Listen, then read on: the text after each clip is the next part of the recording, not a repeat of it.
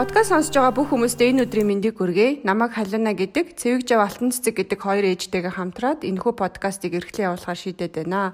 Подкастаараа бид хүүхдийн боловсрал, хүмүүжлэлтэй холбоотой ном уншаад түүнийхээ гол утга санааг сонсогчтой хүргэх, мөн сургууль өмжүүлэгч эцэг эхнэрийн төлөөлөлтөд ярилцлага хийж хүргэхээр төлөвлөж байгаа.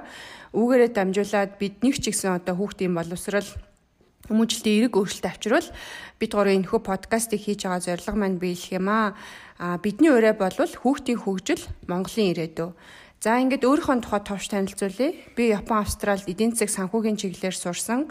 3 хүүхдийн ээж, 2 хүнийг охинтой. Хүүхдүүд маань 25, 3 настай.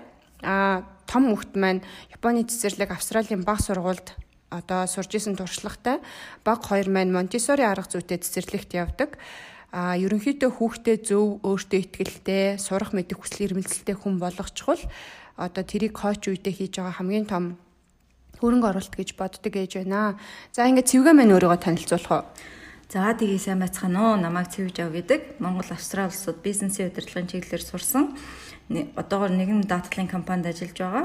Санхүүгийн салбарт 10 гаруй жил ажилласан туршлагатай нөхөр хоёр охины хамт амьдардаг. Охтууд маань 6, 11 настай. Австрал, Англи улсад цэцэрлэг баг сургуульд сурж байсан. Хүүхдүүдээ өөрийнхөө амьдралыг өөрөө жолоодод явдаг өөдрөг нийгэмдээ төстэй хүн болгож хүмүүжүүлэхийг хүсдэг ээж байна. За манай өнөөдрийн өнөөдөр алтаа маань Нидерланд улсаас холбогдож байгаа. Сайн байцгаана уу? Нидерланд улсаас мэдчилж байна. Намайг Алтан цэцэг гэдэг. Би бас хоёр хүүхдийн ээж байна. Санхүү болон төрийн бодлого, гадаад харилцааны чиглэлээр Америк, Сингапур, Монголдо суралцсан ажиллаж байсан. За залуу байхасаа хүүхдийн хөгжлийн асуудлыг одоо сонирхон судалж ирсэн байгаа. Нидерландын олон улсын хүүхэд залуучуудын санхүүгийн боловсролын байгууллагад зөвлөхөөр ажиллаж байлаа. За сүүлийн 8 жил Америк, Швейцар, Англи, Нидерланд зэрэг орнуудад хүүхдүүдэд өсгөн хүмүүжүүлж ажиллаж амьдарч байна. За нүүдэлчний угсаатай гэдгээ сайн харуулж чадаж байгаа гэж ойлгож байгаа. За одоо Нидерландад Хронингийн их сургуульд хүний нөөцийн зөвлөхөөр ажиллаж байна чөлөө цагаараа насан туршдад йог зааж йогоор одоо хичээлдэг. За энэхүү подкастаар дамжуулан сонсож буй эцэг эхчүүд, баг сургууль хүмүүжүүлэгч, хүүхэдтэй ажилдаг хүн бүрт шин мэдээ мэдээлэл сургууль хүмүүжүүлэх арга барилыг хүргэхээр одоо зорж байгаа юм а. Та бүхэнд таалагдана гэж найдаж байна. За ингээд анхны дугаараараа доктор Вильям Стиксрүүд бол Нэ Джонсны хамтран бичсэн The Self-Driven Child буюу а бие даасан хүүхд гэж орчуулсан байгаа. За энэ номыг хүргэхээр бэлдээд байна. За за номоо эхлэхээс өмнө зохиолчдынхаа тухай дурдъя. Доктор Вильям Стрикрүүд нь боловсролын сэтгэл зүйч мэрэгчлээ сэтгэл зүйн талаар зөвлөгөө өгдөг тийм хүн байгаа. Нед Джонсон эдийн засагч, улс төрийн мэрэгчлээ Prep Matters гэж шалгалтанд бэлддэг, шалгалтын талаар зөвлөгөө өгдөг компанийг үүсгэн байгуулад ажиллаж байгаа ийм хоёр хүн байна. Ер нь бол хоёулаа профессор хүн тий. Аа. Аха. За ингээд ном маань болохоор 2019 онд бичигдсэн. А номны ерөнхий агуулга нь гэвэл одоо энэ их өрсөлдөөнтэй болж байгаа нийгэмд цэцэрлэг, сургууль, гэрийн хүмүүжил нь хүүхдийг хит их ачаалттай байлгаж зогсохгүй хүүхдээс хүүхдийн эрх чөлөө өөрөө одоо шийдвэр гаргах чадварыг нь өгөө хийж байгаа а хүүхэд бие даасан хувь хүн биш. Одоо зүгээр л эцэг гэхийн хос үргэлжлэл болж хүмүүжж байгаа нь одоо сүулдэ сэтгэл болон одоо сэтгцэн янз бүрийн өвчтэй хүмүүс болон гарч байгаа бөгөөд энэ хүндрэлээсээ гарахын тулд хар тамхи хэрэглэх, амиа хорлох гэдэг одоо аимшигтай зүйл зүйл нь одоо урд үетэй харьцуулахад харьцангуй их болж байгааг онцлон ном байгаа. Буруу хорт зуршлуудад хүүхдүүд их автаж байгаа тий. Тий. Аха. Тэгээд одоо хүүхдээ бие даасан хүүхд болж хүмүүжихэд багаас нь хэрхэн бэлтэх вэ гэдэг арга замыг ээж аваадад заасан ийм ном байгаамаа. За ингээд ном маань 14 бүлэгтэй. Аа цэвгээ бид хоёр нэг нэгээр нь яриад явъя гэж бодож байна. За нэгдүгээр бүлэг нь болохоор хорвоо ертөнц дээр хамгийн стресстэй зүйлгээд энэхүү бүлэгт болохоор стресс хаанаас үүсдэг, ямар төрлийн стресс одоо хамгийн аюултай юм бэ гэдгийг тайлбарсан бүлэг байгаа. А хүнийг стресстүүлдэг дөрвөн нөхцөл байд юм байна л да. А нэгдүгüрт нь болохоор шинэлэг зүйл гэж байгаа. Энэ болохоор одоо урд нь хийж үзээгүй зүйл гарч ирэхэд хүн стресстэй. А хоёрт нь болохоор тааварлах боломжгүй зүйл буюу одоо хүн юу тохиолдохыг тааварлах боломжгүй үед стресстэй. А гуравт нь эго буюу өөртөө итгэх байдалтай эргэлцсэн үед хүн стрессдэг. А дөрөвт нь хяналтаа алдсан буюу одоо ямарваа нэгэн зүйлийг өөрийн хяналтандаа байлгаж чадахгүй тохиолдолд хүн стресстэй юм байна л да. Одоо жишээ нь машины төвчрэл гэл одоо хүн болгонд стресстэй санагддаг тий. А яагаад тэгэхээр бид нэр энэхүү нөхцөл байдлыг контролдож чадахгүй байгаас стресстэй юм байна. За ингээ стрессийг гурван төвшөнд ангилт юм байна. А нэгдүгürt нь эерэг стресс гэж байгаа. А жишээ нь жүжигийн одоо дүр тоглож олонний өмнө гарах те энэ үед хүүхэд ичдэг, сандардаг а баг зэрэг стрессдэг. Энэхүү эерэг стрессийг мэдэрснээрээ хүүхэд одоо илүү хурцлагдаж эрс лүүрх арга барилд сурдсан байна. А үүнийгээ давсны дараа хүүхэд одоо а хүсэл тэмүүллийг энэхүү мэдрэмж нь хүүхдэд өгч идэм байна л да. А хоёрдугаарт нь болохоор төсвөрлөхүүц стресс гэж байгаа. А энэ болохоор өдөр тутам тохиолддгүү. Энэ богино хугацаанд үргэлжилдэг стресс юм байна. Одоо жишээ нь сургууль дээрээ дээрлэхүүлэхтэй ойр дотны хүн нас барах гих мэт ийм жишээнүүдийг дурдж болно. А энэ стресс нь болохоор байн үргэлжилдэггүй ийм тохиолдлын чанартай. Энэ стрессийн үед одоо хүүхдийг өөрийг нь ойлгодог, ярилцдаг хүн байх хэрэгтэй. А үр дүнд нь хүүхэд илүү сэтгэлийн хаттай болж идэг юм байна. За гуравт нь болохоор хортой стресс гэж байгаа. Энэ болохоор байнга буюу өдөр тутам тохиолддог ийм удаан хугацаанд үргэлжилдэг хин нэгний одоо тусламж дэмжлэг байхгүй стресс.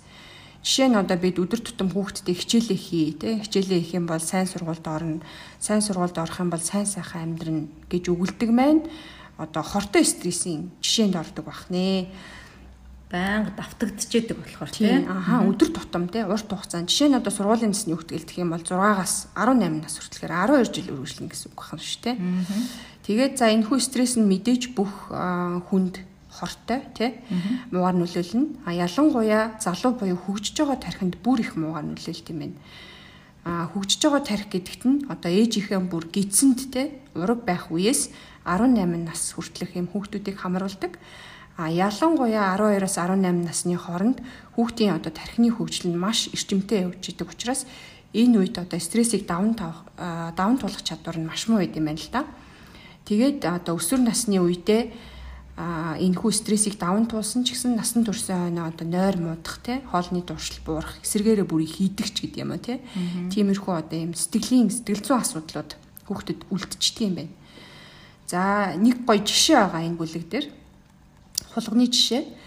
А хулганыг өдөр бүр ээжээс нь 15 минут авч яваад а тэгээ буцаагаад ээжд нь өгөхдөө тухайн хулганыг одоо ээжээр нь долоолгуулах буюу хайрлуулдаг те А тэгээ энэ хулганыг одоо ээжээс нь огт ингээд салгаж авч явдггүй хулгантай харьцуулсан чинь авч явдаг одоо тэр хулганых нь стрессийг даван туулах чадвар нь илүү байсан юм байна л да. За дахиад нэг судалгаа судалгаа буюу жишээ нь болохоор хулганыг өдөр бүр ээжээс нь 3 цаг авч явдаг тий. А тэгээ буцаага ээжд нь өгтөө ээжээр нь долоолгуулдггүй буюу хайр хайрлуулдггүй. Тэгсэн чинь одоо энэ хулганд үүссэн стресс нь тэр хулганыг одоо амьдралынхын туршид стресс болж үлдсэн юм байна тэр хулганд. Тэгэхээр эндээс одоо юу хэлэх гээд байгаа юм гэхээр одоо бид хүүхдээ бүх зүйлээс хамгаалаад нэ хеликоптер парентинг гэж байдаг шүү дээ тий. Бүх юмыг хуваарлаад өгчдөг тий хүүхдийнхаа юу ихийг. Тийм тэгээд нөгөө хүүхдээ одоо асуудалт оронгот л очиад нөгөө шүүрээд аваад идэг. Одоо тийм вакуум орчинд өсөхгөөсөө илүү баг зэргийн стрессийг хүүхдтэд өгөөд гэхдээ хүүхдтэйгээ ярилцаад хүүхдээ хайрлаад тий явах юм бол а бид нэр одоо илүү ийм сайн хүүхэд өсгөж хүмүүжүүлж чадах юм байна. А харин эсэргээрээ одоо ийм өдөр тутам удаан хугацаагаар те стресс түлээд тэгээд юу мэдэрч байгааг нь ярилцахгүй ойшоохгүй байх юм бол хүүхдээ ийм насан туршийн сэтгэлийн бас итгэцэн ийм өвчтэй хүн болох магадaltaйг энэхүү бүлгээр а харуулж байгаа. За тэгээ бүлэг болгоны доор ийм зөвлөмжүүдийг хүргэсэн байгаа эцэг эхчүүдэд А үүнээс бол чухал гэж утсан нэг юм хоёр жишээгээ бид хоёр хэлээд явъя гэж бодож байгаа. А нэгдүгээрт нь болохоор таны хүүхэд юуг бие даад шийдвэр гаргаж хийдэг талаар жагсааж бичээд хүүхдтэйгээ ярилцаад юуг нэмж өөрөө хиймээр байгааг нь та нэмээд бичээд үзтээ. А хоёрт нь болохоор та хүүхдтэйгээ яаж ярьж байгаа хэлбэрээ нэг ажиглаад үз. Энийг хий, тэрийг хий гэж тушааж харцж гин үү? Эсвэл та хүүхдэд сонголт өгч гин үү гэд. За ингээ бүлэг нэг маань байгаа. Хоёрдугаар бүлэг маань цэвээр нь За гэрийн даалгавар хийх талаар байгаа. Энэ бүлгийг нэг жишээгээр эхлэе гэж бодож байна. Таныг гэртээ ирэхэд танаа нөхөр чинь альсвал эхнэр чинь те таны хамт амьдардаг партнер чинь За өнөөдөр чиний хийсэн ажил чи ямар байна? Чиний төсөл чинь сайн үнэлэгдсэн үү? Ажлаа маш сайн хийх нь маш чухал гэдгийг чи ойлгож байгаа үстэй гэл. Чи ажлаа сайн явуул албан тушаал дэвшин штэ. Жаахан хичээгээд үзээчтэй шавдуулаад байвал та танд ямар санагдах вэ? Үүнтэй адилаар эцэг эхчүүд чи хичээлээ сайн байвал сайн сургуульд орно. Хичээлээ хийж чадахгүй хүн амьдралаа яаж авч явах юм гэж хүүхдүүдэд өглөөл аль хэдийн залхаачсан байдаг. Яагаад гэвэл эцэг эхчүүд хүүхдэд амжилттай байхыг хүсээд хүсдэг. Нөгөө талаар хүүхдүүдээ сайн хичээлээ сайн хийдэг хүн болох юм бол эцэг энэ нь эцэг эхчүүдийн үүрэг гэж боддог. А Хүүхэд альва шин чадрыг ойлгож суралцахад дөрвөн үе шат байдаг байна. Үүнийг математикийн хичээлийн хурц сурах жишээн дээр тайлбарлая. Нэгдүгээр шат нь ухамсарлахгүй мөн чадахгүй байх. Хүүхэд хүр цэжлэх хэрэггүй гэж боддог эхлээд те таныг туслая гэсэн ч зөвшөөрөхгүй. Тэгж явж байгаа чалгалтандаа унана. Энэ үед нь харин та бүтлгүүтэл бол сурахад суралцахад гарах төр зургийн саад эдийг нь ойлгуулж чадах юм бол энэ түнд том сургамж болно. Хоёрдугаар шат ухамсарлсан боловч чадахгүй байх. Хөөхд нөгөө шалгалтандаа унчаад за эн чи ер нь хийх ёстой юм байна шүү. Хэцүү юм байна шүү гэд бодит байдал дээр ойлгож ухамсарлаж эхлэн тэ. Тэгээд ухамсарлаад хийж эхлэн нөгөө нэг хүрдээ давтаж эхлэн. 3 дугаар шат нь ухамсарлаад бас чадах ухамсарлна тэгээд бас хүрдээ чэйжлээд эхлэн эцэг их бидний хүүхдээ хүргий гэж хөсмөрөөддөг үе шат байгаа юм те. Дөрөвдүгээр шат ухамсарлаагүй боловч чадах. Том хүмүүсээс хүрт асуухад бүгд л мэдэж байдаг. Хүүхэд нэг л мэтгэд гутлынхаа үдээсийг үдээ зурчихсан байдаг шүү дээ. Тэгэн шиг өдөр тутмын давталгаар нэг мэтгэд л хийгээд сурчсан байдаг үе шат те. Хүүхэд 1 2 дугаар үе шатыг давж байж 3 4 дугаар шатанд очино. Харин эцэг эхчүүд шууд л 1 2 дугаар үе шатыг алгасуудаад 3 дугаар шатанд аваачих гээд өөрсдийгөө болон хүүхдүүдэд стресс түлээд байдаг.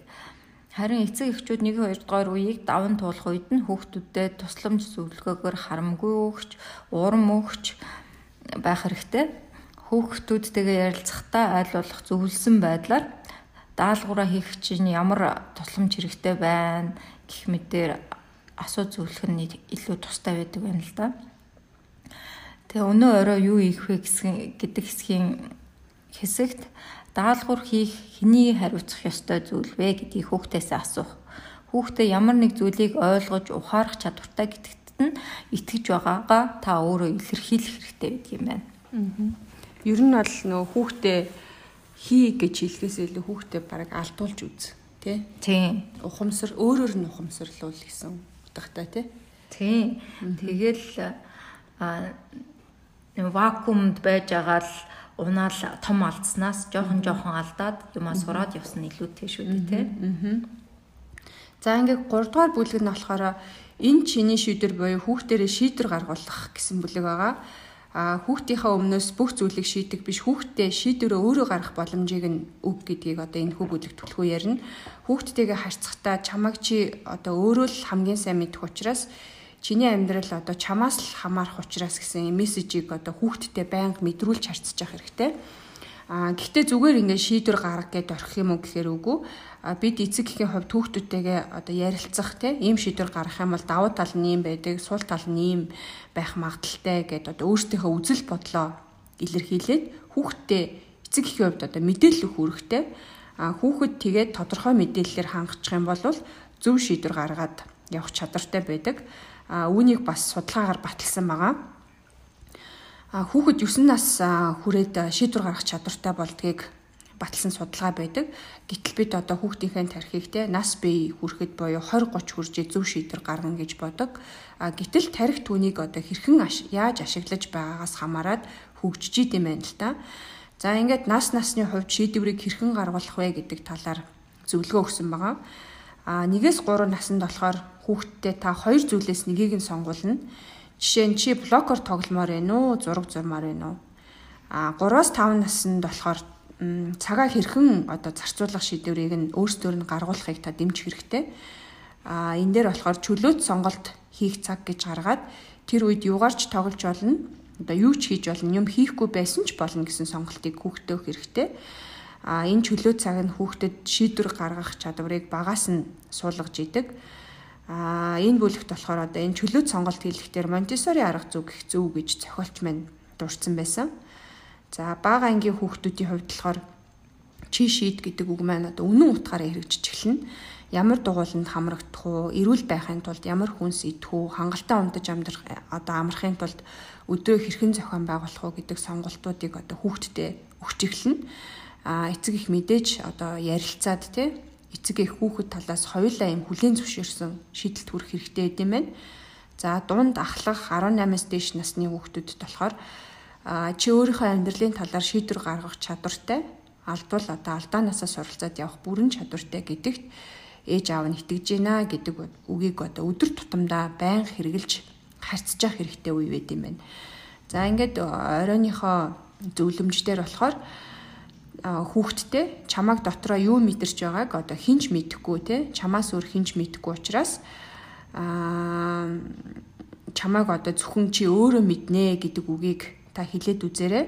А мөн хүүхдээсээ одоо юу тэдний хүснээр болдгоо талаар жишээ нь гэрийн даалгавар одоо хийх цаг те унтах цаг дэлгэх зүзэх цаг гэх мэт а энэ талаар ярилцаад тэдэнд илүү шийдвэл одоо шийдэл байх юм бол тэр талаар нь та ярилцаад үзээрэй гэж зөвлөсөн байгаа.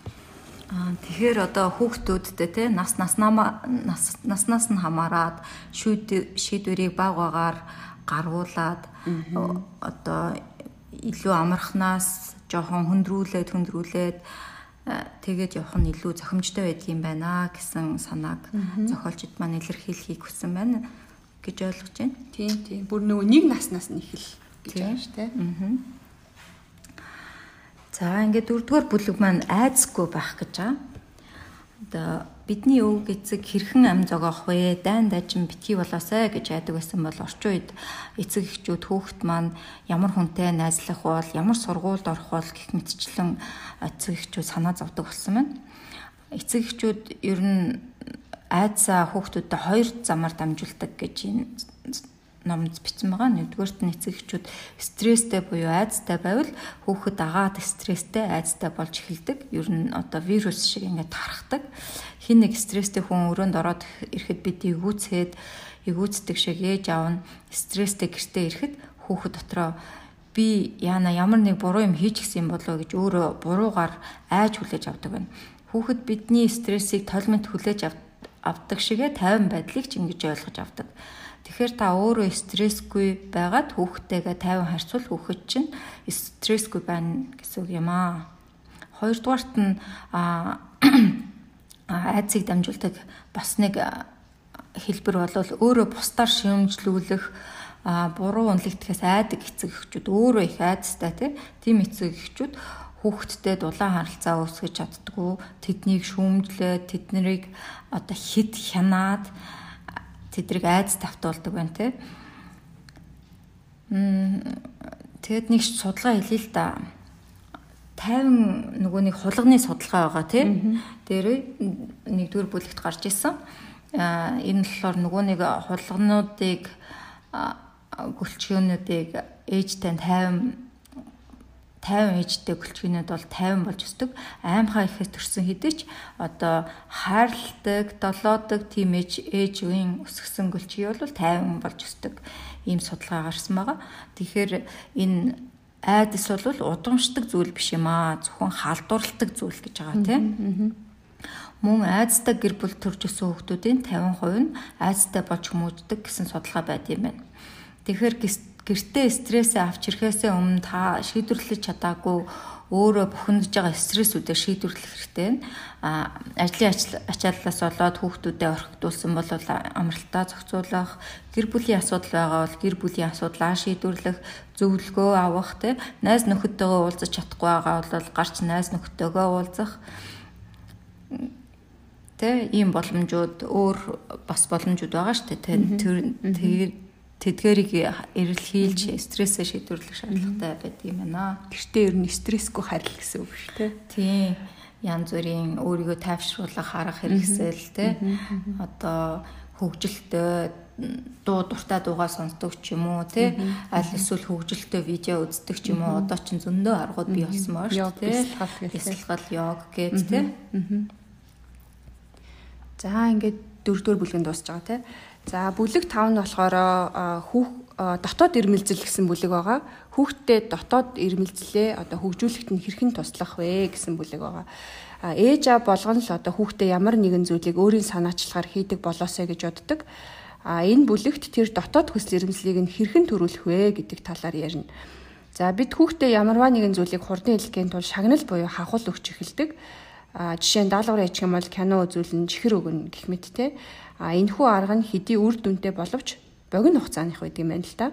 Одоо жишээ нь сургууль дээр стикер наах, дүн тавих гэдэг нь дотоод хүсэл эрмэлзлийг эсэргээрээ сулруулдаг бүтээлч байдлыг өвөө хийж идэм байна.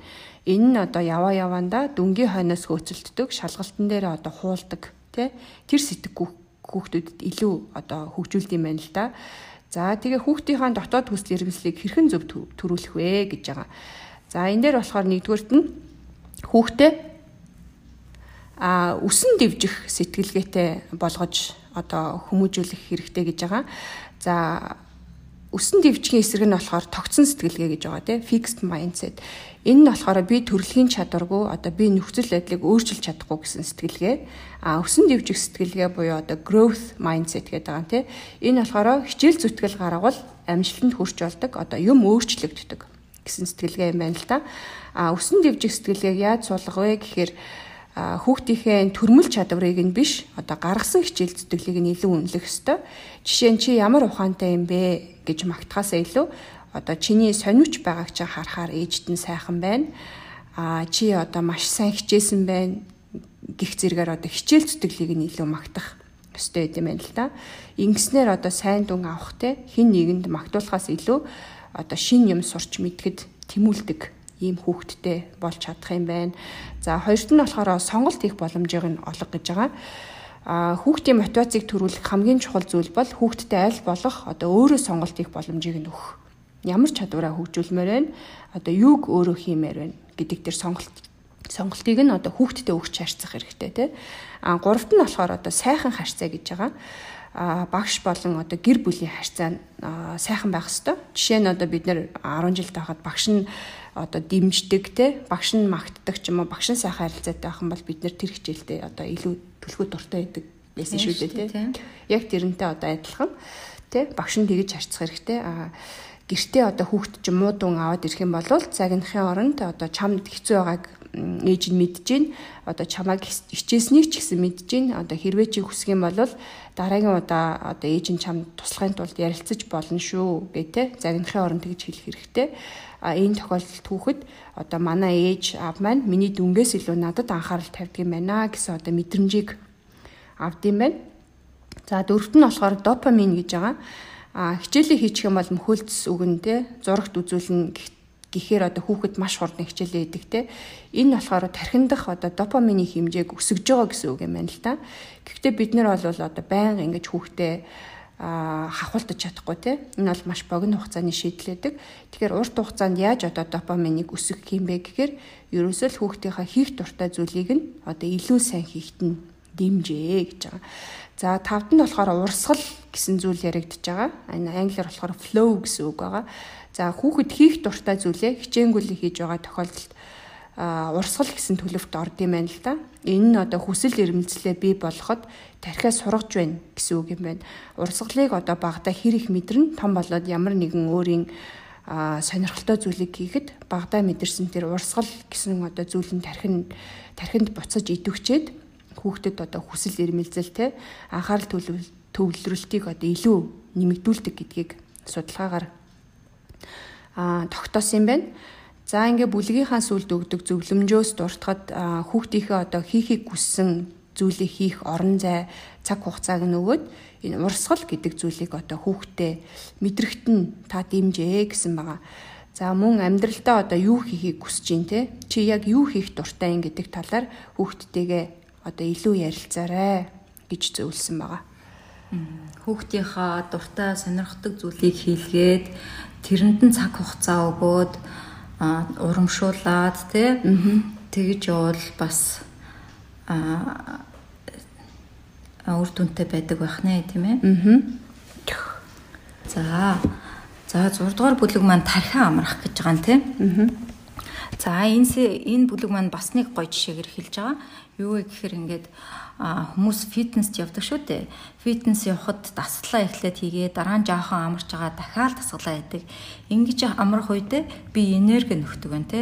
Тарих бас яг гүнтэй адил одоо ажиллаад амраад мөрөөдөх daydreaming гэж байгаа те. Мөрөөдөөд бясалгаад тэгээ унтахад хүний тарих амарч ой санаандаа шинэ мэдээлэл чадварыг нэгтгэж дараагийн үйл ажиллагаанд дараагийн юу хийх вэ гэдэг сэтгэдэг үйл ажиллагаанд тархигаа бэлддэг байна те.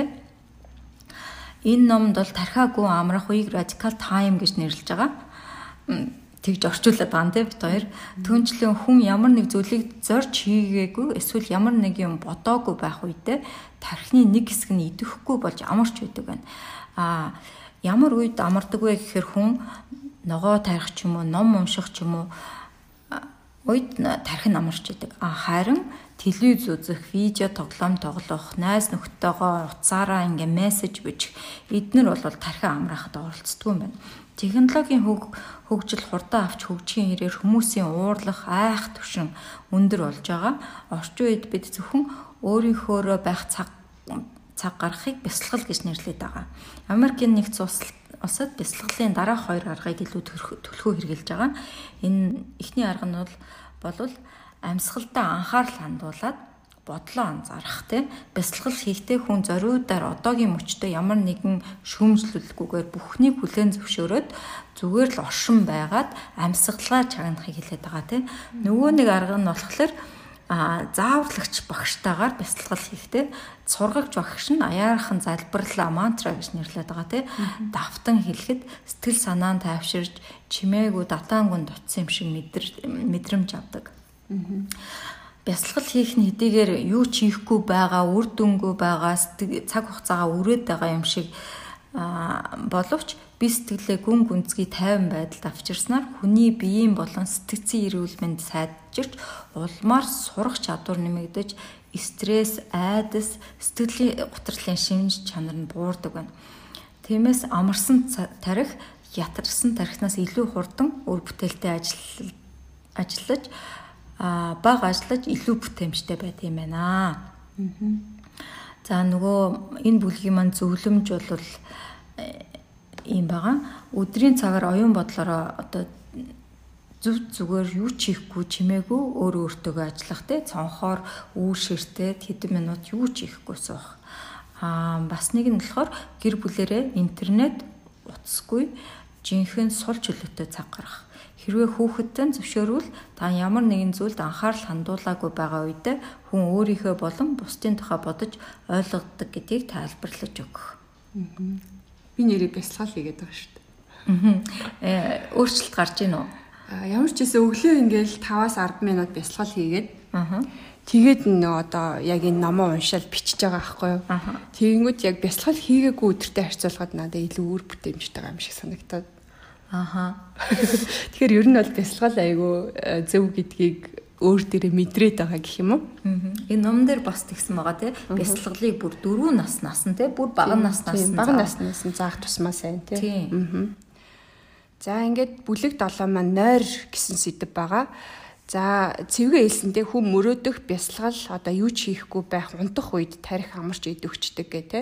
А энэ дотроос одоо тарихыг хамгийн удаан урт амраадаг зүйл бол яа харахгүй нойр юм байна л та.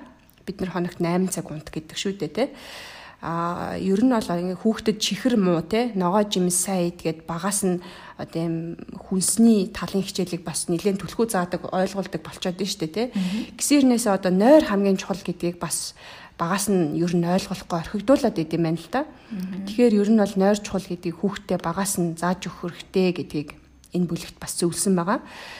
А хангалттай нойр авснаар сурах үйл явцад мэдээж эргээр нөлөөлнө те Яагаад гэхээр богино хугацааны ой санамж нь унтаж явах одоо явцад урт хугацааны ой санамж руу зөөвөрлөгддөг юм байна л да.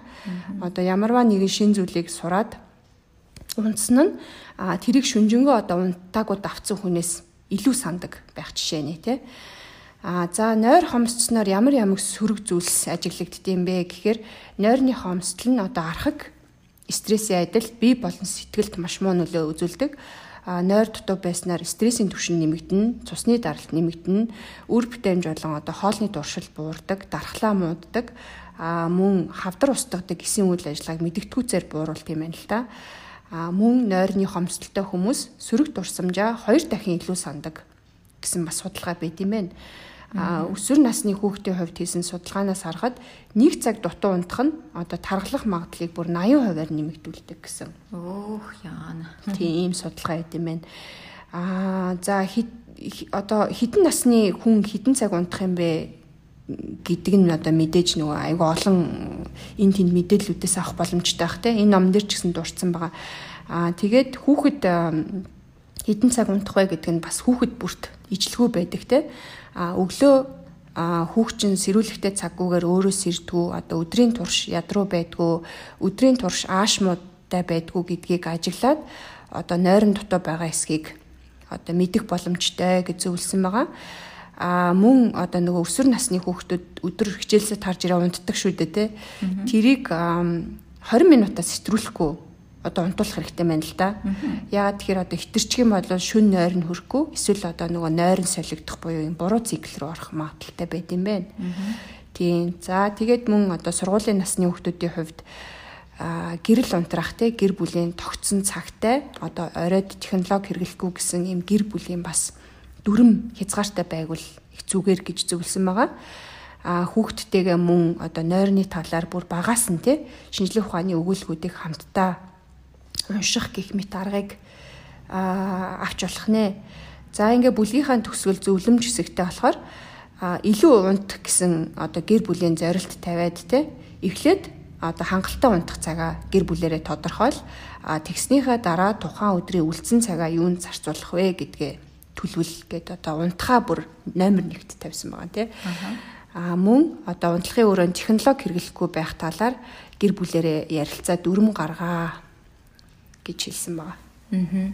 Тэгээд нэг бас нэг судалгаа байсан шүү дээ. Энд чинь нөгөө нэг эерэг сөрөг өгнүүдийг ингээд бичиж жагаад дутуу нойртой хүүхдүүд болон бүрэн гүцэд унтсан хүүхдүүдээр ингээд цээжлүүлэхэд а нойр дутуу хүүхэд бол илүү сөрөг өгнүүдийг илүү чэйжилсэн байгаа тийм. Тэгэхээр бүр амар хортой байх нь тийм нойр дутуу байх нь. Дандаа сөрөг юмнуудыг илүү тусгаж авдаг нойр дутуу байгаа хүүхдүүд тийм.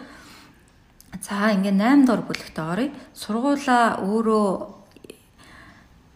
хянах чадвартай болох те эцэг эхчүүд сургууль хүмүүлэгчдийн хүмүүжүүлэгчдийн одоо хамгийн их нөгөө нэг санаа зовж идэг асуудал бол хүүхдээ хичээлдээ байнгын оролцоотой орлохтой яаж байх вэ гэд. Тэ? Хүүхдийн байнгын оролцоог нэмэгдүүлэх хамгийн шалгарсан арга бол тэдэнд одоо өөрөө гаргах шийдвэр гаргах эрхийг нь олох байдаг. А би даах чадвартай хүмүүс сургуулийн дүрм жамвыг илүү дагдаг өөрөө юмаа хийх хүсэлтэй болдог сонирхолтой байдаг гэ багш нар тийм дүгнэлт гаргасан байдаг. Тэд бас сайн дүн авч шалгалтай сайн өгдөг байна. Мөн түрүүн халуунаа дурдсан те багштайгаа сайн харилцаатай байх багштайгаа илүү тухайн сэдвийн талаар холбогдож чадвал илүү хичээдэг тий.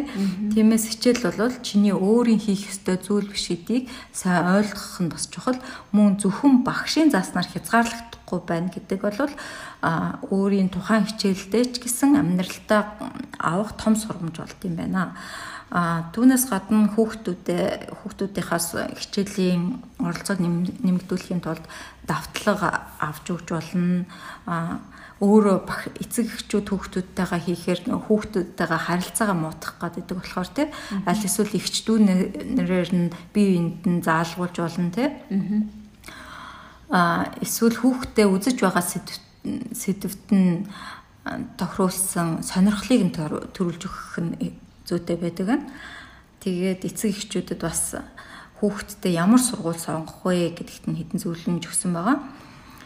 Сургалтын хөтөлбөрөө хүний хөгжлийн талаар анхаардаг. Тийм сургууль байвал таны хүүхдэд илүү тус төхөн байдаг. Бас зарим хүүхэд том сургуульд одоо өрсөлдөөнтэй том сургууль байхаас илүүтэйгээр жижиг сургууль сурах нь тухайн одоо сургуулийнхаа үйл явцыг хянаж өнөөгийн нөхцөл байдлаа хянах тийм мэдрэмжийг авдаг байна. Хүүхэд хийж чадах наснда очихороо илүү одоо төвгүй амархан сурдаг байна. Одоо зарим улс орнуудад айл бүр 5 наснаас нь илүү тэг өсөг эхлээд унших бичгийг зааж өгöd байдаг. Гэтэл ер нь стандартаар бол 7 наснаас нь илүү эхэлж заавал илүү хүүхэд амархан сурдаад тэрийгэ мартдаггүй байх нь шүү дээ. Инлээд чинь 7-оос эхлүүлдэг гэвчтэй тий. Харин тий. А тэгээ бас нөгөө нэг бичих бичихтэй харандаа барих хэдийгээр 5 наснаас нь эхлээд заасан ч гэсэн а дараа нь 6 7 8 9 настайд нь харандаага зүв барих талаар дахиад хичээл авдаг тийм жишээнүүд гарч байгаа номонд байна те. Аа тэгээ хэрвээ та хүүхдийнхаа сэтгц зүйн эрүүл мэнд стресс эрэнд эн чин тавья гэж бодоагүй бол одоо хит гүнзгий хичээлүүдийг ихээр авч хичээлүүлэх нь зохисгүй байд юм байна. Тэгээ өнөө орой хийх өгөх зөвлөмж байгаа. Үүнд маань та хүүхд таны хүүхэд өөрийнхөө боловсролыг өөрөө хариуцах ёстой гэдгийг нь хүүхдэд ойлгуулад хичээлээ ойлгох нь хүүхэд өөрөө хийх зүйл болохоос ш танаас сургууль эсвэл таны багш түнд хийж хийж өгөх зүйл биш гэдгийг нь ойлгуулах хэрэгтэй байд юм байна.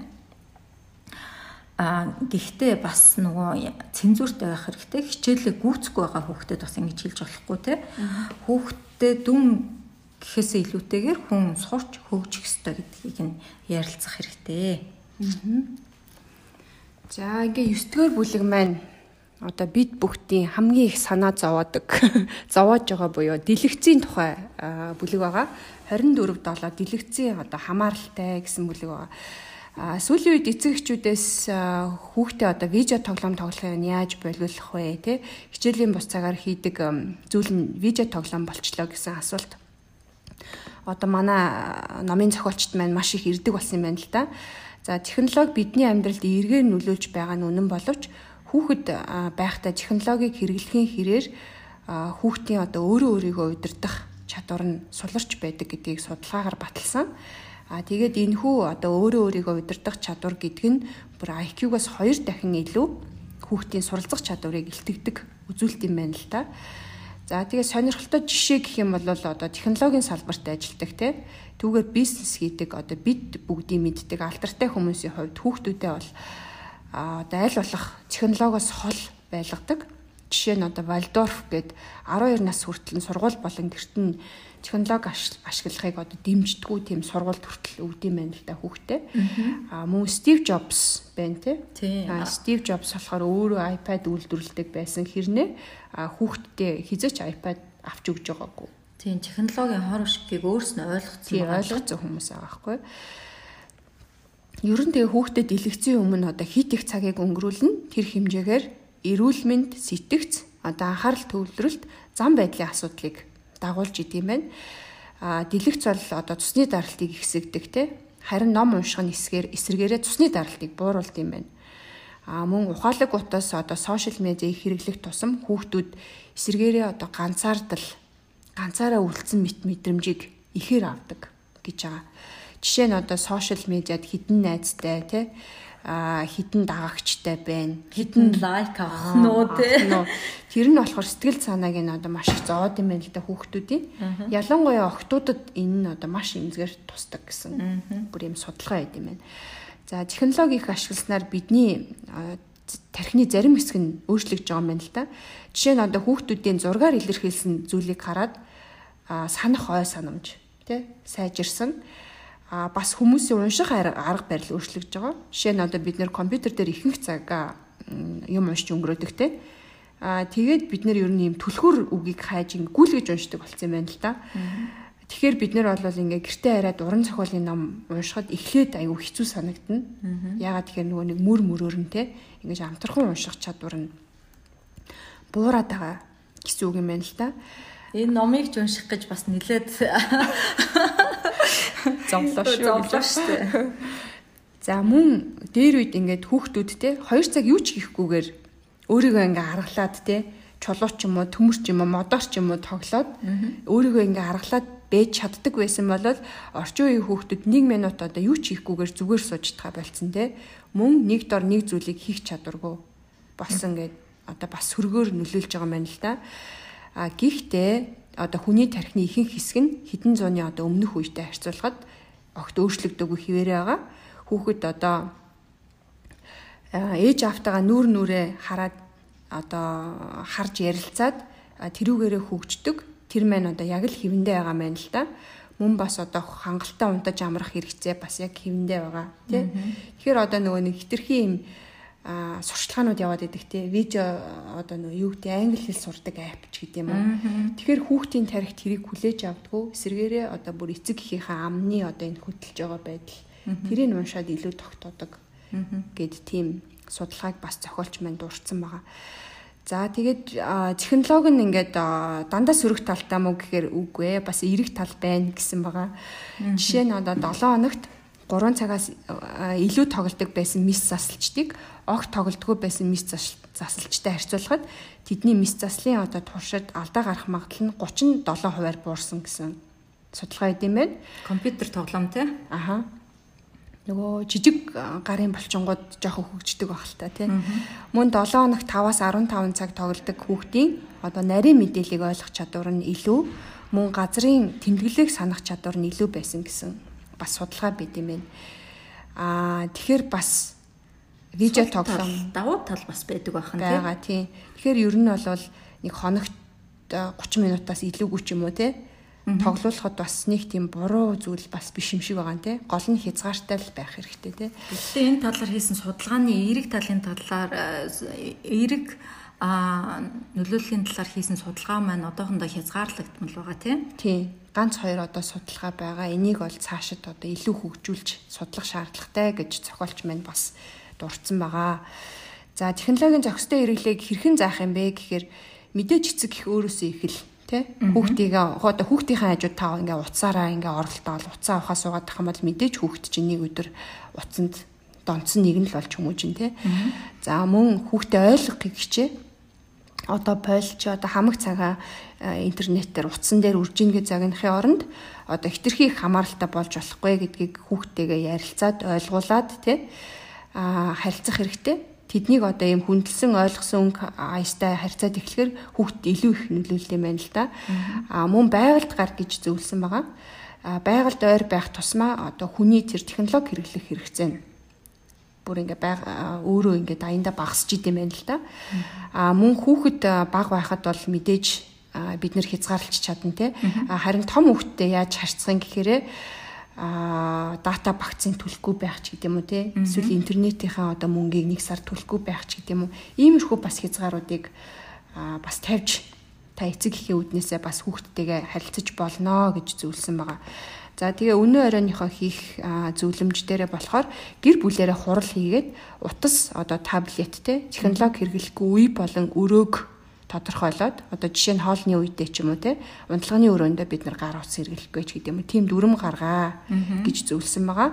А мөн хүүхдүүдтэйгээ хоолнд орж явахдаа ингээ уцаа шагаагаад би биентэйгээ ярихгүй байгаа хүмүүсийг олоод те хэрвээ ингэх юм бол чамд одоо ямар санагдах вэ гэдгийг юм бодит кейс дээр хүүхдтэйгээ ярилцаад ойлгуулаарай гэж зөвлөсөн байгаа. Аа. Технологи тэгэр хэдийгээр биднэрт ингээл шин технологи, шин одоо аппликейшн энтер маань хэдийгээр одоо юмыг ингээд айгу хурдан хийгээд байгаа юм шиг мөртлөө сөрөг талууд бас их байгаа учраас одоо технологийн салбарт ажилладаг хүмүүс хүүхдүүдтэй тэр болгон технологиг тэгж амар их хэрэглээд байхыг нэг тийм зөвшөөрөөд идэггүй юм байна л тийм. Би бас ингэж боддог гэсэн аахгүй. Хүүхдээ одоо ингээд жишээ нь компьютер ч юм уу тийм утас үзүүлэхгүй байвал үеийнхнээс хоцорчих юм болов айгүй санаа зовдөг гэсэн аахгүй. Тэгсэн чинь харин эсэргээрээ хүүхэд тэртээ тэргүй 10 11 12 хүрэхээрээ технологиг ингээ өөрөө угаасаа сонирхдаг учраас хизээч хоцордгоо. Тэгээ тэрийг бас энэ ном дээр зохиолч мань тайлбарлсан бэл. Тэгэл дуртай л бол тэрүүнийхээ хойноос хүн тэгэл явдаг юм байна л да тийм юм бол баг байхгүй гэж хэлсэн байна. За тарих болон тарих болон бие дасгалжуулах гэдэг 10 дугаар бүлгэрөөгөө орцгоё. За би энэ бүлгүүдийн хамгийн ихэнд гарч байгаа энэ жишээнүүдийг хэлэх дуртай. Мундаг тамирчид дасгалаа эхлэхдээ жингийн тухай туухай авахгүй харин йогийн бөмбөг авч бие хүн дасгал хийхийнхээ өмнө жижигхэн булчингуудаа бэлдэж бэртэл авахаас сэргийлдэг байна. Үүнтэй адил сэтгэл зүйчид, сурган хүмүүжүүлэгчид хүүхдүүдтэй ажиллахдаа хэрэглэж ирсэн стратеги сэтгэл зүйн бэлтгэлийн талаар энэ бүлэгт танилцуулж байгаа. За ер нь бол бүлгээ товчлоод зарим нэг одоо чухал гэсэн хэсгүүдийг авч ярьж байгааг сонсогчд маань ойлгож байгаа ах гэж бодож байна. За эхний дасгал маань тодорхой зорилго тавих тийм. Альва нэг амжилтанд хүрэх хүнд суурин зорилгоо тодорхой болгох байдаг.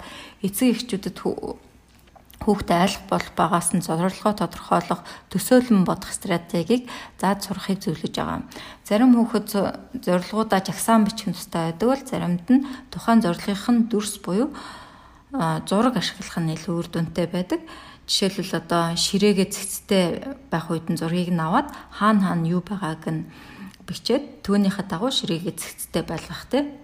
А хүүхэд зорилгоо бодтоор тавьж сурахт нь зориулсан аргачлалыг бий болгосон байдаг эрдэмтэд. Үүнийг энэ нь бол гурван шаттай. Хүүхэд эхлээд өөрөө зорилгоо тогтооно. А энэ нь бол зөвхөн нэг л зорилго байна те аль эсвэл хид хідэн зориг юм уу бүлэг зориг ч юм уу байхгүй та аль эсвэл нэгэн зорилгыг ингээд одоо чи энүүнийг зорих хэрэгтэй гэд санал олохгүй хүүхэд яг өөрийнхөө л зорьсон зорилгыг тавина. Тэгээ хүсэж байгаа үр дүнгийнхээ талаар чөлөөтэй одоо бичин яаж юунд хүрэх вэ? Яавал засах вэ гэх тэ. Тэгээ 3 дугаар шатанд нь болохоор тухайн зорилгод хүрэхэд саад болж байгаа зүйлээ олж бичээд тэгээд арга замаа шийдвэрлэх байгаа тийм. За хоёрдугаар дасгал нь болохоор тархинд нь юу бодогдож байгааг анхаарал анхаарал хандуулах тийм бидний туршлагаар сарахад хүүхэд юу бодож байгааг мэдэж байл өөрийнхөө үйлдэлийг хянаж юу хийхээ мэддэг байна тийм а би л нэг сурагч байсан тий 9 настай Бен гэд хүү тий шалгалт нь бэлтэх болсон. Тэгээ Бен шалгалт нь бэлтэх талаараа тайван ярьж байсан мөртлөө би л одоо жоохон тэр нэг чинь яаж хийдий ингээд наривчлаад асуугаад мэдхгүй зүйлийг нь асуугаад ирэхээр нөгөө хүүхэд өөрөө айцтай болоод энэ үед өөрийгөө маш тийм Иймэрхүү үед илүү өөрийгөө тэнэг гэж мэдэрдгээ одоо биелд хэлсэн байгаа. Биел хариуд нь те тархин яаж ажиллаж байгааг тайлбарлаж өгсөн жишээлбэл те чиний тархинд амаг дадлаа гэж нэг зүйл байгаа. Аа энэ хэсэг нь бол хүний сул талыг олдог те амагдалаа чамааг муухагаар мэдрүүлэх альва зүйлийг хайж байдаг өгöd бодож чадахгүй харин боломжтой аюулыг мэдрүүлдэг хүүхдийн амагдалаа мэдрэмтгий биш а мэдрэмтгий гэж хоёр янз байдаг. А чиний амаг далаач юм бол илүү мэдрэмтгий юм байна. А энэ үед чи их уур хүрэгдэг зүйлийг амархан олж илрүүлээд байдаг. Хэрвээ чи уурлаж эхлэвэл чиний амаг далаач амаг тэнэг харагдуулахаас хамгаалахыг орлож байгаа гэсэн үг. Харин чи өөрийнхөө тэнэг биш гэдгийг мэднэ. Бид ч мэднэ. А гих мэдчлэн амархан үгээр тайлбарлаж өгөх хэрэгтэй гэдэг нь. А Бэнийг Бэн бол ерөөсөө айцтай хөхт байгаа тийм. Аа 13 настад нь дахиад одоо энэ айцын төвшин ер нь байгаа байдлыг нь үнэлээд үзсэн. Үзсэн чинь мань хүн бол харцсангуу сайн сэтгэл хөдлөлөө хянаж чаддаг хичээлдээ идэвхтэй сурч байсан. Гэхдээ энэ нүү айцыг нэгэн өдөр ингээл шууд шийдвэрлэж чадахгүй энэ нэг хийхин тулд цаг хугацаа хэрэгтэй. Аа за 3 дугаар дасгал нь бол Б төлөвлөгөө гэж байгаа тийм нэг Карли гэдэг охин байгаа 17 настай төгсөх ангийн оюутан одоо ирэх жил конкурс ирэх хавар одоо конкурсанд өгөх гэж байгаа. Колумбия гэдэг те Ivy League-ийн одоо мундаг сургууль байдаг Америкийн. Тэгээ энэ сургуульд орох орохгүй л бол бүх амьдрал нь одоо дуусчих гээд байгаа юм шиг сэтгэл зүйтэй байсан. Нед тэгээ Карлтай хамт ажиллаад тэгээ Колумбиагаас өөр сургууль байж болд юм аа өөр сургууль гэдэг маань те Б төлөвлөгөө өөр төлөвлөгөө байж болох юм аа гэдгийг санал болгоод Б төлөвлөгөө боловсруулах талаар ажилласан. Тэгээ Карли мэдээж ихнэндээ маш их айдастай их эсэргүүцэж байсан боловч аянда өөр сургууль Мичиган гэдэг их сургуулийг судлаад те ийм боломж байд юм байна. Кампус нь илүү гоё байд юм байна гэж судлаад тестэндээ илүү анхаарлаа хандуулаад тайвшир тайвширсан байгаа тийм. Б төлөвлөгөө бол ямар нэгэн саад тодгорд учрахад одоо авч олох эрүүл зөв хандлага байгаа тийм. Тэгээ өнөөдөр оройны зөвлөмж байна гэр бүлээрээ те зорилгоо бичэн ярилцаад та өөрийнхөө болон их хүүхдүүдийнхаа ах トゥ нарын талаар хүүхдүүдээс санал авах те Б төлөвлөгөө боловсруулах дасгал хийх. Тэгэд хүүхдүүдийнхаа А болон Б төлөвлөгөөний талаар та саналаа хэлж болно. Хэрвээ тэд төсөхгүй бол одоо хэлэхгүй ч байсан байж болно те. Зөвхөн хүүхд биш том хүмүүс ч гэсэн хэрэгжүүлэх ёстой л эд байна те. Харин тийм те. За 11-р бол бүлэг нь сурах бэрхшээлтэй ADHD-тэй аутизмтай хүүхдтэй хэрхэн харьцах вэ гэсэн талаар бүлэг байгаа. А эцэг эхчүүд энэ төрлийн хүүхдүүд нь өөрсдийнхөө амьдралыг одоо шийдэж чадахгүй гэж боддог. Хэрв хүүхдтэй шийдвэр гаргахад хэрэгцээтэй бүх мэдээллийг өгч чадаад тэгээд хүчлэхгүй харьцах юм бол тэд одоо шийдвэр гаргах бүрэн чадвартай гэдгийг зохиолчд мань туршлагаараа юм баталсан байгаа. Аа сурах бэрхшээлтэй ADHD-тэй аутизмтай хүүхдүүдийн ялгаа нь юу вэ? Аа сурах бэрхшээлтэй хүүхд гэдэг нь болохоор одоо унших, бичих те хүнтэй харилцах, эсвэл мөнгөд зохицуулах ч гэдэг юм уу ямарваа нэгэн чадварыг сурахтаа бусдаас арай удаан ойлгодог төрлийн хүүхдүүдийг хэлдэм байна л да. Аа ADHD-тэй хүүхд гэдэг нь болохоор анхаарлаа төвлөрүүлэх болон өөрийгөө удирдах чадвар юм султай хүүхдүүд байд юм байна. А аутизм болохоор тархины хөгжлийн эмгэг те хэл ярианы хоцрогдол мөн бустай харьцах юм чадвар сул хүүхдүүд байдаг. За жишээ нь одоо сурах бэрхшээлтэй хүүхдтэй яаж харьцах юм бэ гэдэг нэг жишээ байгаа. А хэрвээ ийм ном унших тийм а сурах бэрхшээлтэй хүүхд байлаа гэж бодъё л доо. Тэгэх юм бол одоо орой болгон хүүхдээ одоо ангийнхнаас нь хоцроохгүй тулд уншуулт сурах гал тий. Эцэг их нь илүү хүчилдэг шүү дээ. Тэгхгүйгээр та орой болгон одоо ийм дайн хүүхдтэйгээ дайн хийж яхахын оронд оронд нь ээж аав нь тий хүүхдтэй өөрөө номоо уншаадаг. Эсвэл аудио бук ч юм уу тий. Ямар нэгэн ном сонсвол энэ үед тархины одоо ном уншихтай ижил хэсэг нь ажиллаж идэм байна л та. Тэгэхээр энэ үед бол хүүхдийн одоо уншаад ойлгох чадвар нь хөгжиж идэм байна. Тэгэхээр бол ингэж амар хүчлээл те тийх ерөөсө хэрэггүй гэж байгаа. А мөн одоо аутизмтай буюу ADHD-тэй хүүхдүүдтэй яаж харьцах вэ гэдэг талаар бас судлаад одоо гол онцлсан зүйл нь гэх юм бол бясалгал йог тий сэтгэл заслыг ийм түлхүү хэрэглэх хэрэгтэй юм байна л да. Жишээ нь одоо бясалгал лиг одоо өсвөр насны хүүхдүүдэд 15 минутаар өдөрт 2 удаа 3 сар хийлгэж үтсэн байна л та. Тэгсэн чинь стресс болон сэтгэлийн түвшингээр нь одоо 43 хувиар буурсан гэсэн судалгаа байд юм байна. Тэгэхээр бол одоо бясалгал йог тийм зүйлүүдийг маш сайн одоо хийлгэх ёстой байд юм байна. А мөн одоо нэг аутизмтай хүүхдтэй аавын бичсэн а ном. Тэгээд тэрүүгээр нь бас баримтат кино хийсэн тийм жишээ гарсан энэ номон дээр. А тэр аав болохоор хүүхдтэй ингээд Disney хүүхдийн киног өдөр болгон үзүүлдэг те. Тэр киногоороо дамжуулаад хорвоо ертөнцтэй хүүхдтэй танилцуулсан юм байна л да. Тэгээ хүүхд нь одоо киногоо ингээд өдөр болгон тавтаал үзээд байдаг те. А тэгж жагаад нэг өдөр ингээд дөрүүдийг нь бүр зураад эхэлсэн. Оо вау. Тэгээ сүүлдээ бүр ингээ урлагийн авьяасаа нээсэн хүүхдийн талаар бас юм жишээ гарсан байгаа. Бүр амьдрал олсон биз дээ. Тий. Аха. Аутизмтэй ч гэсэн те өөрийн гэсэн юм гоё амьдралтай болцсон хүүхдийн талаар жишээ байгаа. А нэр нь болохоор life animated гэд сонирхож байгаа юм бол бас хайж үзэж болох бах те. За ингээд 11 дэх бүлэг маань дуусж байгаа. За одоо 12 дугаар бүлэг буюу шалгалт нь бэлтгэх бүлэг рүү оръё. Одоо хүртэл бүлгүүд маань ерөөсөө эцэг эхчүүдэд зориулсан байгаа. Тэгэд энэ бүлэг болохоор шалгалтанд бэлтгэх талаар өсвөр насныхан төгссөн зүйлг байгаа. Яа тэгвэл шалгалт маань ерөөсөө өөрөө халууна нэгдүгээр бүлэг хэлсэнтэй шин тааваршгүй эгог нь шалгасан хяналтаас гадуур тийм нөхцөл байдлуудыг бүгдийг бүрдүүлсэн байгаа тийм болохоор энэ талаар одоо бүлэгтээ зөвлөмж өгсөн байгаа. Тэгээд сонирхол одоо дэлгэрүүлж унших хэрэгтэй хаа тийм боломжтой байгаа тийм. За ингээ бүлэг 13 маань их сургуульд ороход бэлнэ үү гэсэн бүлэг байгаа. За ямар өөр өгөөж нь мэдэгдэхгүй компанид та жил бүр одоо 50 мянган доллар те 4 жил дараалж хөрөнгө оруулах уу гэж асуусан байна. Цэвээ яах вэ? Өгөөж нь хэрвээ? Өгөөж нь мэдэгдэхгүй хараа. Тэгвэл хөрөнгө оруулах. Хөрөнгө оруулахгүй шүү. Хэрэг хүүхэд чинь одоо их сургуульд бэлэн биш бол та түнд хөрөнгө оруулах ямар ч хэрэггүй гэд одоо энэ жишээтэй холбосон байгаа юм л та. За ингээ 18 нас хүрээд хүүхэд нь те сургуульд явхад дараах асуултуудыг та асууж үзэх хэрэгтэй.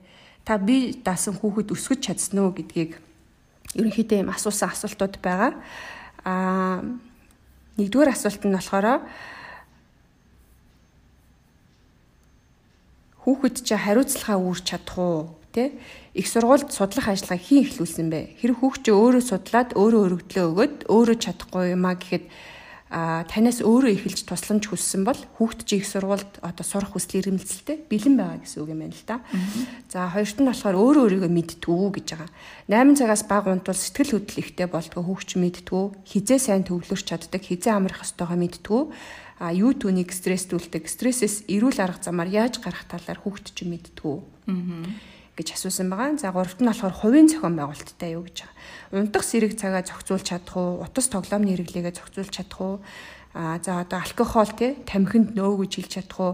Цаг авсан бол тухайн газартаа цагтаа очиж чадах уу?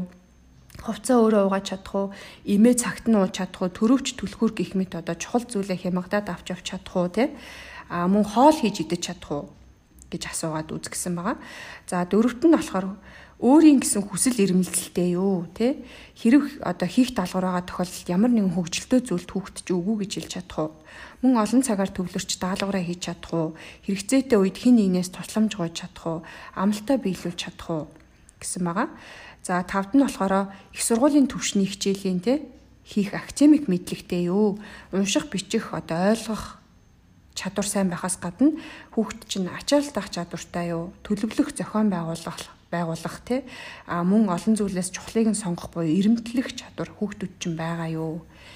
А гэж асуусан байгаа. За 6-ад нь болохоор хүмүүс болон нийгэмтэй харьцах чадварын талаар а зарим хүүхдүүд одоо ганцаараа бие дагаад хичээлээ хийж чаддаг боловч заримдаа одоо бусдад харьцах чадварт суралцаагүй байдаг те. Тэгэхээр одоо найз нөхдөө зөв сонгож чадах уу? Өөрийнх нь эргэн тойронд гарах асуудлыг шийдвэр шийдвэрлэх одоо чадвар хүүхэд чинь байна уу? А хүмүүстэй харилцах чадвартай юу? Одоо мөн уруу татагдахгүй өөрийгөө аваад явах чадвартай юу гэдгийг та одоо асуугаад бие дагаад амьдраад сураад явхад хүүхдэд нь бэлэн байна уу гэдгийг одоо эдгээр асуултуудыг асууснараа олж мэдэж болох болох нэ гэсэн ийм бүлэг байгаа. За тэгээ зөвлөмж нь болохоор одоо дээрх энэ асуултуудын дагуу хүүхдээ та ер нь эртнээс бэлдэх хэрэгтэй гэж зөвлөсөн байгаа. Аа мөн одоо амьдралынхаа туршид ийм аа ажлын туршлага тий ажлын туршлага олж авахт нь тий хүүхдэд дэмж одоо кофе шопд 15 наснаас нь ажиллаулдаг ч юм уу тий ингэж дэмжээрэй гэж зөвлөсөн байгаа. Эцэг эхчүүд бид нар нөгөө ингэж боддог штеп хүүхдээ тий амар хичээлдээ сайн хүүхэд байгаасаа гэж өмнөөс нь ороод хоолой нь хийгээл хувцсан угаагаал тий аа тэгэл бэлдээд байдаг. Гэтэл нөгөө хүүхэд маань яг нөгөө сургууль дээрээ очиод бие дагаад ганцаараа амьдрах болоод ирэхлээр нөгөө сайн нөгөө нэг наад зах юмнуудаа хийж сураагүй байдаг учраас тэрүүндээ хит их цаг цаг зарцуулаад тий стрессэнд орно тий. Тийм тэрнээсээ болоод нөгөө сурлагын чанар нь мууддаг тийм бас тохиолдол байдаг юм байлаа. Би харин одоо бүр нас насаар нь бичиж гэж бодоод байгаа шүү дээ. 5 наснда одоо шаал шүүрдэд сурсан байх хэвээр ч гэдэм үү 6 даа тиймгээд одоо яг энэ асуултуудыг харж агаад тэгээд ингээд бэлснээр нь чек чек хийгээ явдаг юм лөө. Мондөг биш үү те. За 14 дугаар бүлэг буюу хамгийн сүүлчийн бүлэг байгаа те. Аа За өөр сонголт гэж байгаа. Их сургуульд ороогүй хүмүүс ухаантай биш те. Би бусад хүмүүс шиг сайн биш гэхсдэггүй бага наснаас эхлээд их сургууль төгсөл байдаг. Гэтэл амьдрал дээр амжилт гарах олон арга зам бий. Сайн сургууль сурахын давуу тал биелдэг. Гэхдээ сурхаас өөр зам байдаг гэдгийг одоо хүүхдүүдтэй ер нь ойлгуулахын дээр байдаг байна л да. Бодит байдал дээр нийт Америкчуудын энэ нь болохоор Америкийн зохиолчдын бичсэн ном учраас Америкийн одоо жишээнүүд статистик мэдээлэл их орсон байгаа.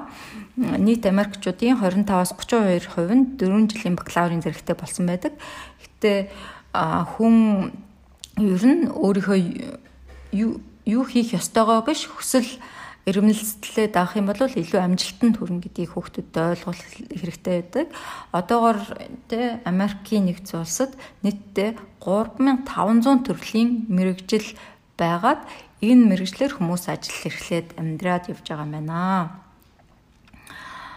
Сэтгэл судлаачид хүн харах, үг хэлэх, ярианы логик, сэтгэлгээний биеэр хийх үйлдэлийн хувь хүмүүс хоорондын харилцааны гих мэд олон янзын чадамж байдаг. Жишээлбэл хүн те тоондоо сайн боловч сайн бүжигчин байж болно те. Энэ мэтэр өөрийнхөө одоо юу сайн хийж чаддаг вэ? Тэрийг нэг олох хэрэгтэй байгаамаа.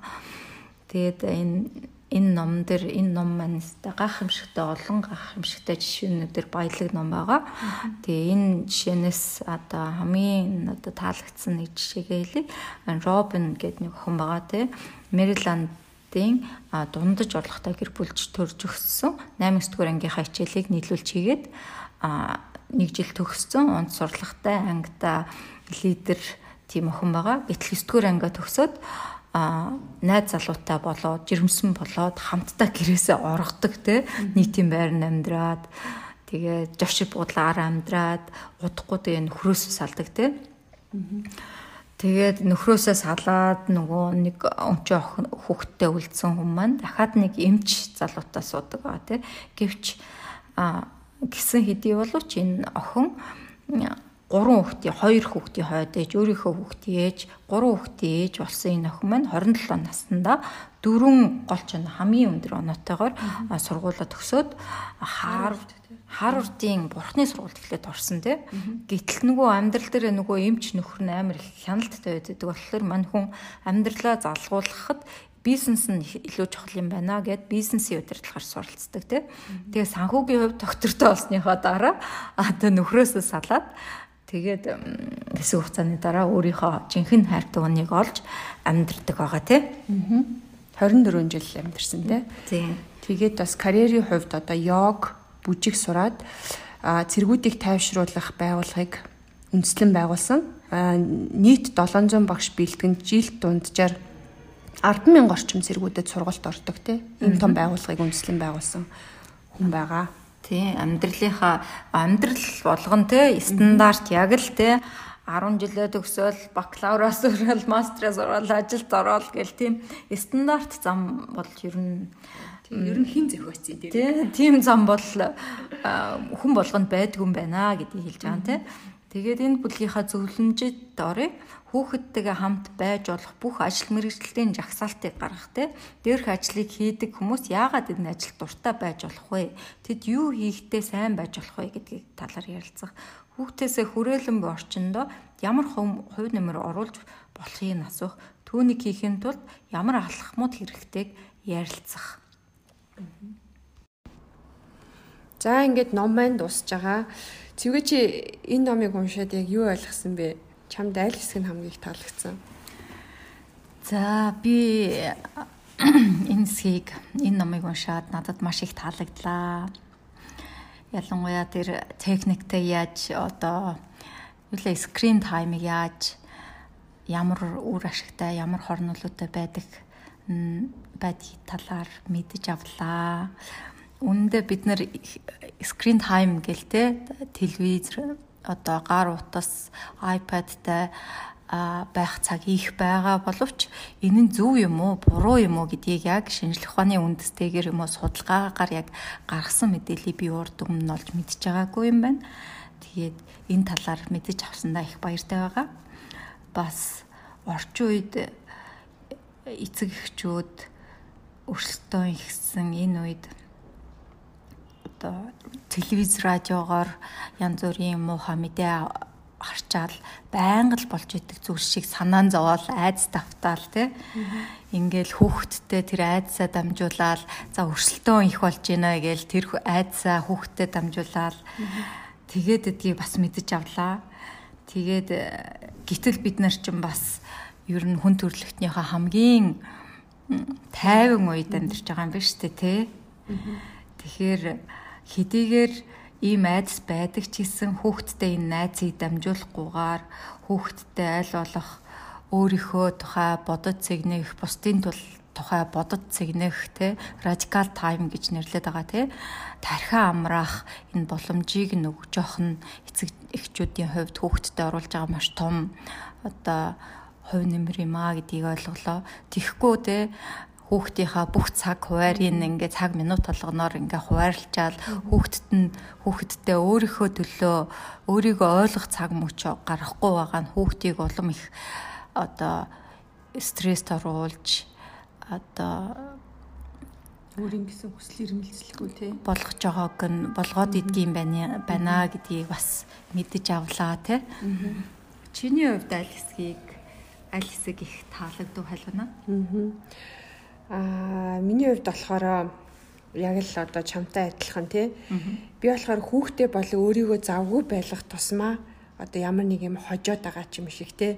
Эсвэл хин нэгнээс төрүүлж алхаад байгаа ч юм шиг амир их тэгж боддог байсан. Одоо жишээ нь ингээл хоёр хүүхдээ цэцэрлэгээс нь аваад тий. Машин дотор 20-30 минут төгжрэл явна. Тэр хоорондоо ингээл чимээгүй ингээл нэг өдрийнхөө тухай ч юм уу тий. Гоё амраад ингээ явмаар байдаг. Гэтэл би одоо хүүхдээс юм асуухгүй болохгүй гэл. Миний хүүхд ямар байсан өнөд ямар байсан ингээл ингээл байнга шалгаагаал нөгөө өрөөрөө яриулах гал. Тэгээд хэрвээ ярихгүй бол ингээл CD тавьж өгөөл тий. Өдөр сурсан дуугийн давтаж. Сургуулах гал эсвэл одоо англиний CD тавиал те 20 минутыг ашиглаад англи хэлцээ ачих гал амар их тийдэг байсан. Тэгсэн чинь харин номон дээр бүр тийм жишээ байсан шүү дээ тий. Гэтэ нөө ярьж амжаагүй л тий. Гэхдээ ер нь ингээ машин дотор хүүхдээ ингээ цогоор хараад чимээгүй явах боломжийг нь олгооч ээ. Бити ингэж их ачаалаад байгаа чи тий. Бүр тэгэж олох юм бол эсрэгээрээ хүүхд чинь тархин намрна. Гэртээ ирээд одоо арай стресс нь таач өөрөө стресс чинь баг тий. Тийм байна гэдгийг сонсоод айгүй юм тайвшраад хүүхдээ нэг тэгэж ер нь ачаалах бид нэр хэрэггүй юм байна. Тэртээ тэргүй эн чинь хүн л юм чинь те хизээ нэг өдөр дуртай юм аа олно. Тийм болохоор одоо ингэ жоохон тайван хойшоо суугаад хүн гэдэг энэ байдлаа одоо enjoy доод Тийм. Тийм. Ястан байна гэж бодсон. Угаасаа ерөөсөө энэ ном дээр бас нэг үг байгаа шүү дээ, тэ. Хүүхэд гэдэг чинь ерөөсөө танаа танаар дамжиж энэ ертөнцид мэдлсэн болохоос биш таны нэг эд зүйл биш юм аа тий өмч шиг харьцаад байгаа байхгүй тий. өөрөөс өмнөөс нь л тий за чи тэгчих гээл тий. Ойлгуулахаасаа өмнө баахан юмд ингээл түлхээл тэр их сур энийг сур гэдэг ах нь бол тэр хүүхэдтэй бас стресстэй байдаг байгаа тий За тэгээд подкастыг энэ үртэл сонссон нэг цагийн подкаст болчлоо тий. Аа бүх одоо эцэг эхчүүд хүмүүстээ баярлалаа. За ингээд дараагийнхаа дугаараар бит хоёр бас нэг гоё ном сонгоцсон байгаа. Аа Little Soldiers гэдэг тий. За тэгээд тэр дугаараар уулзлаа. Төр баяртай. За баярлалаа та нартаа баяртай.